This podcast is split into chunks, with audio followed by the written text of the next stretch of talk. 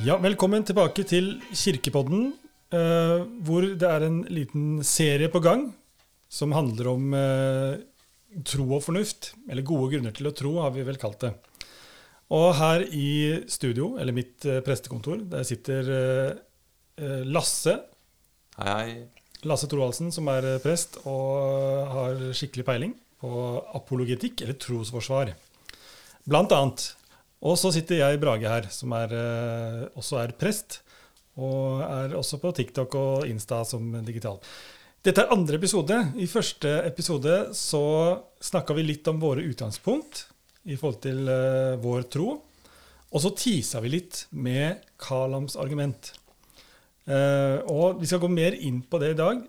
men vi vil først takke for all respons. Mye god respons, og mange som er interessert. Og så fikk vi én utfordring, og vi er veldig glad for utfordringer. bare for å ha det sagt med en gang. Vi har veldig lyst til at dere skal komme med utfordringer til oss hvis det er noe dere lurer på.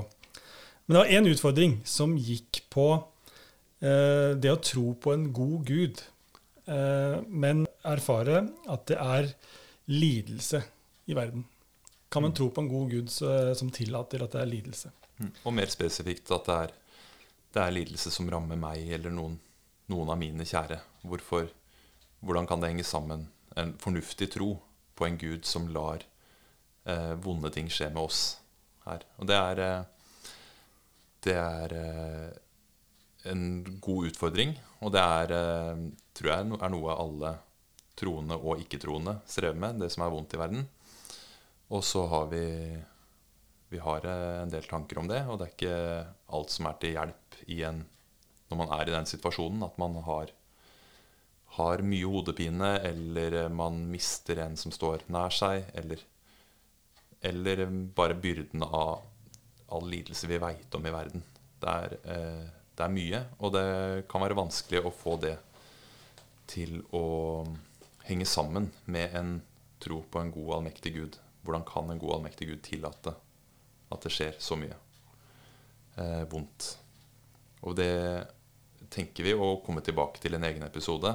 Eh, en av de neste to, sannsynligvis. Ja. Hvor vi prater både om eh, lidelse generelt og den lidelsen som rammer oss og våre nære. Og hvordan det henger sammen med vår gudstro.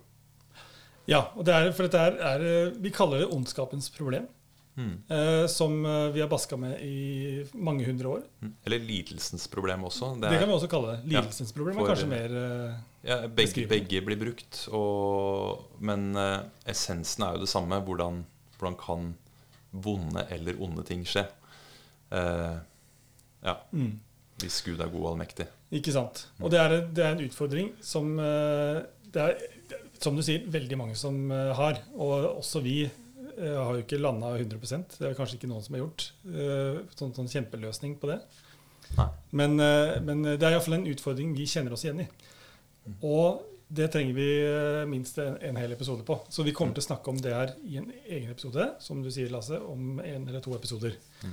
I dag så tenkte vi å fortsette å snakke om det vi tisa med sist, Kalams argument. Og eh, kanskje jobbe litt mer med det. Og snakke litt om tro og fornuft. Eller spørsmålet må man være dum for å tro på en gud, liksom. Mm. Eh, det skal vi snakke mer om i dag. Ja, og ha tingene i Bibelen som ser ut til å stride mot det vi vet, eh, basert på observasjoner og vitenskap. Hvordan eh, holder vi de to sammen av en tro på at Bibelen kan fortelle oss noe sant, når, den, når det som står, ikke alltid stemmer godt overens med andre ting vi vet. Mm. Ja, for det er, flere, det er jo flere sider av sakene. Det er jo på én side det er jo eh, hva som er logisk, filosofisk. Mm. Og så er det hva som uh, står i Bibelen. Og så er det da denne troen Kan man på en måte få disse tingene til å fungere sammen. da. Så vi skal inn på det uh, i dag. Og så eh, håper vi på enda mer respons, slik at vi kan ta imot utfordringer og svare litt. Vi håper at det er det som blir greia framover, da. Eh, I første episode så tisa vi med Kalam-argumentet, eh, som er et eh, filosofisk argument for en skaper. Og Lasse, kan ikke du gjenta dette argumentet for oss? Det er to premisser som er påstander, og hvis du godtar de, så følger det en konklusjon logisk da, som må være sann hvis de to påstandene er sanne. Første påstand eller premiss alt som begynner å eksistere, har en årsak for sin eksistens. Det andre premisset er universet begynte å eksistere. Eller har begynt å eksistere. Det er ikke evig, det har begynt å eksistere. Og konklusjonen som følger, er universet må ha en årsak for sin eksistens. Og det vi tenker videre da, er at den, det som kan passe som en årsak for eh, universets, universets eksistens Det kan jo ikke være hva som helst som er årsak bak at universet eksisterer. Men det som vi tenker kan passe, det er De har de samme egenskapene som vi forbinder med Gud, og som andre religioner forbinder med Gud. Og det finnes egentlig ikke noe annet, annet liksom godt ord eller beskrivelse for det. En kraft Man trenger ikke kalle det Gud da, eh, for premissets egen del, men at det er, det er en årsak bak. Man kan kalle det årsaken, bare. Og så er det vi som går litt videre og tenker oss hva en sånn årsak må innebære, og tenker at det passer godt med hva vi tenker på som Gud. Mm. Ja, så det er jo på en måte vi, det er jo noe vi kommer til å snakke mer om, hvorfor vi tror på en skapende Gud. Og også enda dypere inn i at vi tror på den kristne Gud som skaper. Mm. Så det er noe vi kommer tilbake til. Men her har vi altså da et logisk resonnement, eller et logisk argument med to premisser, hvor vi får en eh, konklusjon som kommer dit som en nødvendig konklusjon på de to premissene. Både det at eh, det, enhver årsak har en, eller enhver virkning har en årsak, holdt jeg på å si. Eller, Ja. ja. Alt som begynner å eksistere, har en årsak for Alt- sin eksistens. Ja, ikke sant? Mm. Alt som begynner å eksistere, har en årsak for sin eksistens. Så det må være en årsak til at universet eksisterer. Så er et argument som en del kommer med, er ja, la oss si at den årsaken til at vårt univers eksisterer, er Gud. Men hvem skapte da Gud? Mm. Det er et typisk argument. Ja. Hva ville du svart da, Lasse? Eh, at eh, de glemmer premiss én, at alt som begynner å eksistere, har en årsak for sin eksistens. For i hvert fall sånn som eh, de fle ja, kristne og de fleste andre som eh, forholder seg til et gudsbegrep, da, tenker at en del av Gud, en egenskap ved Gud er at Gud er evig. Gud har ikke begynt å eksistere. Gud har alltid vært Man kan si at Gud er selve eksistensen, eller alt utgår fra Gud. Ja, og eh, slik jeg forstår det, så er det, det argumentet her impliserer jo at det må være noe annet som ikke trenger en årsak. Mm. Noe må komme eh, ikke først i tid, men først i årsak-virkningssammenhengen. Ja. Ja. En slags betingelse for eksistens, Mm. kan man si det. ja. det. Jeg har hørt en uh, bilde av et tog. Kan ikke du ta oss gjennom det bildet? Eh, Som jo, ligner på dette. jo, hvis du ser et tog, og det ser, eh, du ser ikke enden av toget i noen retninger, men det beveger seg Det kan tenkes at det er uendelig antall vogner eh, bakover. Eh, du vet ikke før du har nådd enden, og det vil du ikke da hvis det er evig. Men, Mm. men hvis du går framover, så vil du til slutt finne et lokomotiv eller noe som drar alle de andre vognene. Det må være en første beveger. Da. Det er et annet et lignende argument da, som Mm. eh, handler om den første beveger. Og noe må ha starta eh, denne kjedereaksjonen som er universet. Mm. Ja. Ja, Første beveger det er jo da også Thomas Aquinas og Aristoteles, hvis ikke jeg tar helt feil.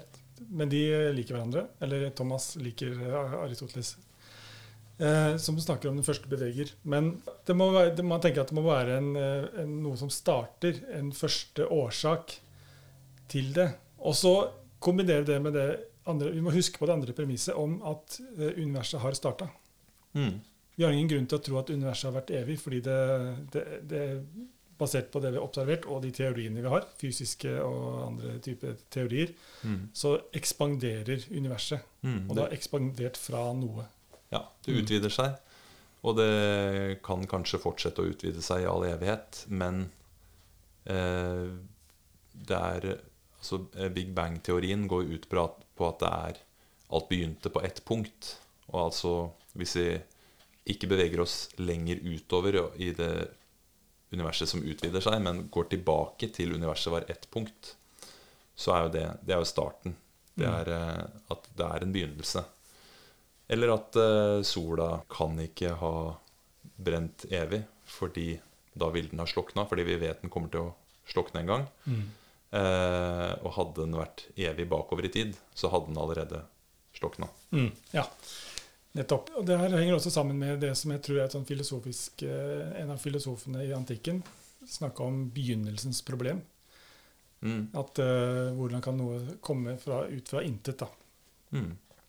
Ok, så Dette gir oss jo gode grunner til, at det, til å tro at det fins uh, en skapende kraft. Mm. En første årsak uh, til at universet vi er i, eksisterer. Det er ikke en kjempedum tanke i det hele tatt. det er Tvert imot. nei, det er veldig vanskelig og en eh, helt utrolig kreativ prosess tror jeg, som må til for å kunne komme opp med noe alternativ Mm. til det.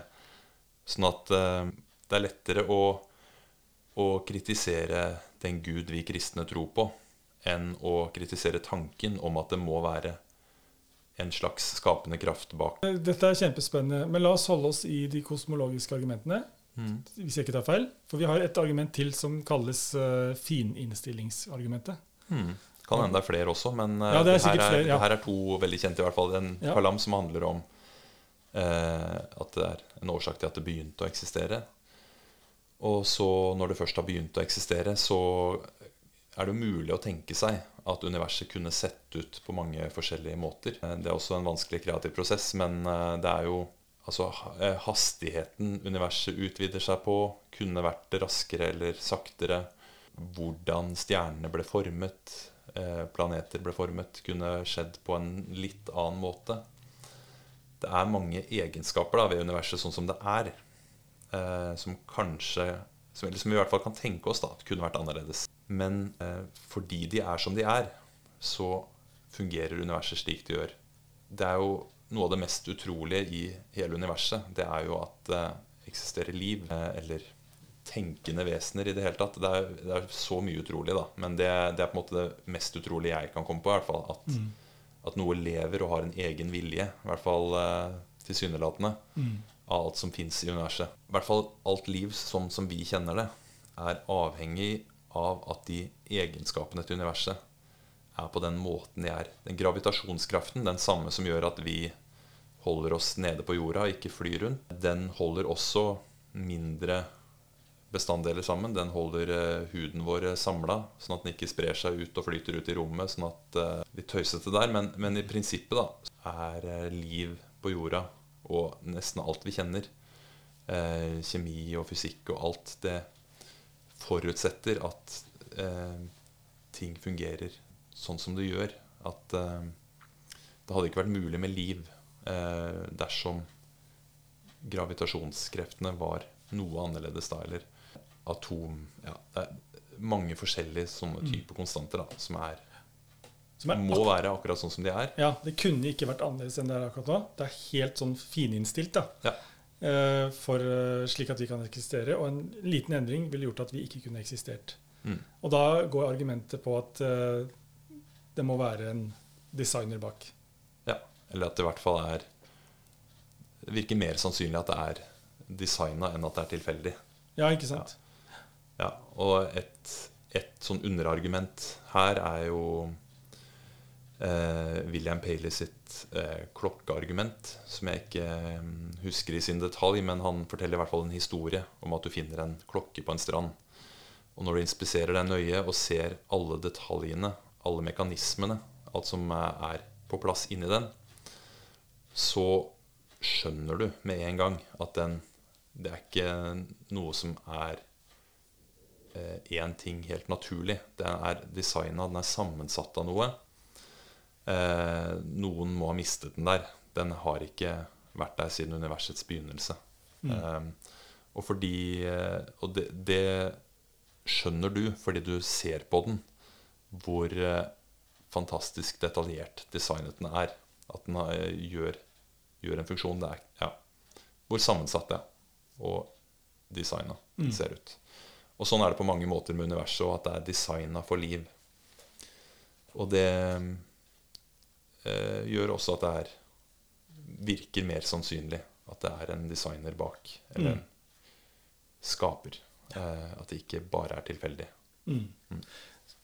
to spennende argumenter som eller gir oss gode grunner til å tro, og støtte for en tro på en, en skaper og designer. En første årsak. Mm. Eh, og dette skal vi snakke mer om, og vi skal eh, selvfølgelig snakke mye mer om hva som gjør at vi kan tro på en, eh, den kristne Gud. Mm. For disse argumentene vi har tatt opp nå, de er, det er jo rent filosofiske argumenter som handler om en eller annen form for skaper. Ja. Hva er det som gjør at man kan tro at den kristne Gud er skapelsen? Mm. Men i dag, og vi skal ikke gå så veldig mye inn på det, men noe av hovedpoenget i dag handla om at uh, tro på en skaper i hvert fall ikke er irrasjonelt. Det er faktisk ganske gode grunner til å tro at det finnes skaper. Vi har logiske argumenter mm. som, uh, som, går opp, da. Men det vi kunne gjøre, og tise litt med, det er at uh, nå sitter mange av lytterne her og vet at vi er prester og teologer. Og for oss er jo selvfølgelig Bibelen kjempeviktig. Mm. Men hva sier Bibelen om disse tingene? Og mange vil jo si at uh, vi har jo skapelsesberetningen. Eller jeg vil si beretningene, selvfølgelig. ja. uh, men uh, den første skapelsesberetningen i første Mosebok forteller oss noe om skapelsen. Gjør den ikke det, Lasse? Jo, den handler jo om at Gud skaper verden på seks dager og hviler på den sjuende. Ja, og vi har også sittet nå og snakka om at universet er Vi er prester, og vi tror mm. på Bibelen. Mm. Litt flåsete sagt. Men å snakke om at universet er 13,5 milliarder år gammelt. Mm. Og vi har ikke noe problem med det, har vi det? Nei, vi har ikke det. Nei, vi har ikke det, vi har ikke noe problem det, er ikke, det er ikke så mange kristne i verden egentlig Nei. som har det. Det er eh, noen da, som eh, man, man legger jo merke til de som skiller seg litt ekstra ut, og de får jo ofte litt ekstra oppmerksomhet òg, men det er, det er en bevegelse eh, som ikke er så veldig stor, men som er gode på å gjøre seg selv synlig. Da. Som eh, har en eh, ja, Man kan si kanskje bokstavelig tolkning av skapelsesberetningen. Da, at Gud skapte verden på seks dager med ferdige mennesker i, og fugler og dyr. Eh, og så eh, fortsetter vi derfra. Mm. Og de har regna seg fram til på en eller annen måte at da må universet være omtrent 6000 år gammelt? Ja, noe sånt. At ja. Det er ved å se på, på stamtavlene og regne seg bakover. For det står at han var far til han, og han ble så gammel, og, ja, og så videre. Så kom mm. han tilbake til Adam for uh, rundt 6000 år siden. Ja. ja. Uh, og det er den samme uh, folka nå generaliserer jo veldig, da. Men uh, mange av de samme da, vil jo si at også at evolusjonsteorien ikke stemmer. Mm. men vi jeg, jeg, lever godt med evolusjonsteorien. Ja. Det gjør du òg. Altså, som beste, en av de beste teoriene vi har om eh, universets utvikling. Selv om mm. den er ikke landa, altså, vi har jo ikke landa noe vitenskapelig om alt.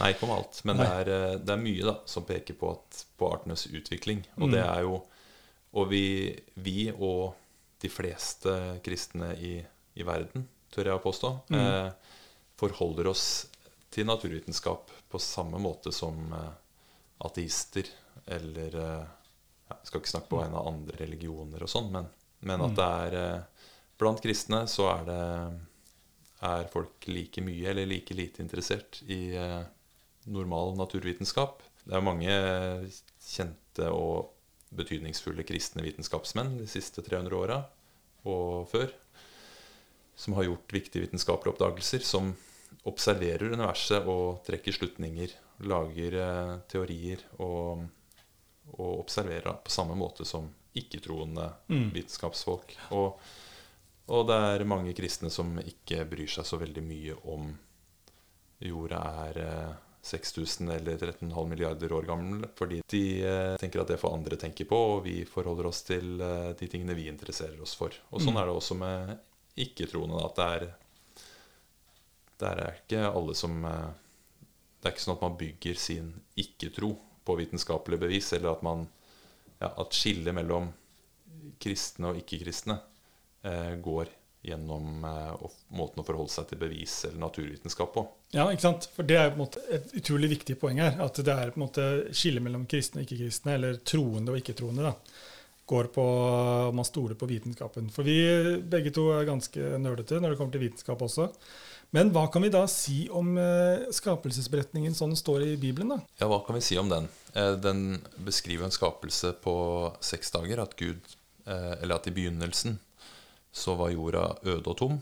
Eh, og Gud eh, lar det bli lys, og Gud setter eh, planter og trær og fisker og fugler og dyr og mennesker på jorda i en rekkefølge, og hviler på den sjuende dagen. Hvis man bare ser på den første siden i Bibelen, så ser man litt sånn på avsnitt, og hvis man leser teksten, så er det mye som I hvert fall for min del. Jeg, jeg tenker at det her ligner jo veldig på poesi.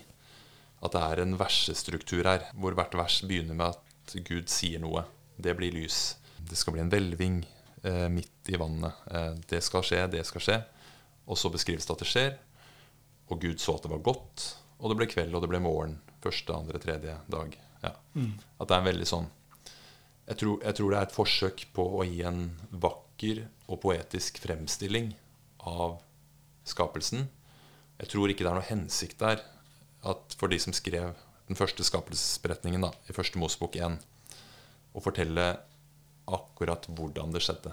Men at det er å gi Gud æren for, for verden vi lever i, og, og fortelle eh, noe som er sant om mennesket, om hviledagen, og om litt sånn at det er, det er en måte å formidle eh, troen på. Troen på en skapende Gud. Ja. Om at det er en skapende gud bak, Ja. men ikke hvordan. For de som skrev eh, Første Mosebok, de eh, observerte jo ikke skapelsen. Nei. Ingen de var der da det. skjedde. Nei, ingen var der når det skjedde. Og en annen ting er jo det at eh, den type vitenskapsformidling som vi har nå i skoleverket eller universitetene, den type, de drev ikke med vitenskap på den måten på denne tiden når dette ble skrevet. Nei. Så vidt meg bekjent. Nei, eh, Og, og man kan jo, det er lite grunn til å tro at de hadde en intensjon om å skrive en vitenskapelig beretning om, eh, eller eh, bok. da. Mm. Men at dette rett og slett handler om eh, Dette er poesi, og, og det handler om at Gud har skapt universet.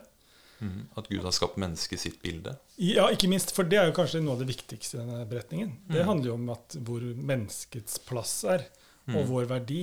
Mm.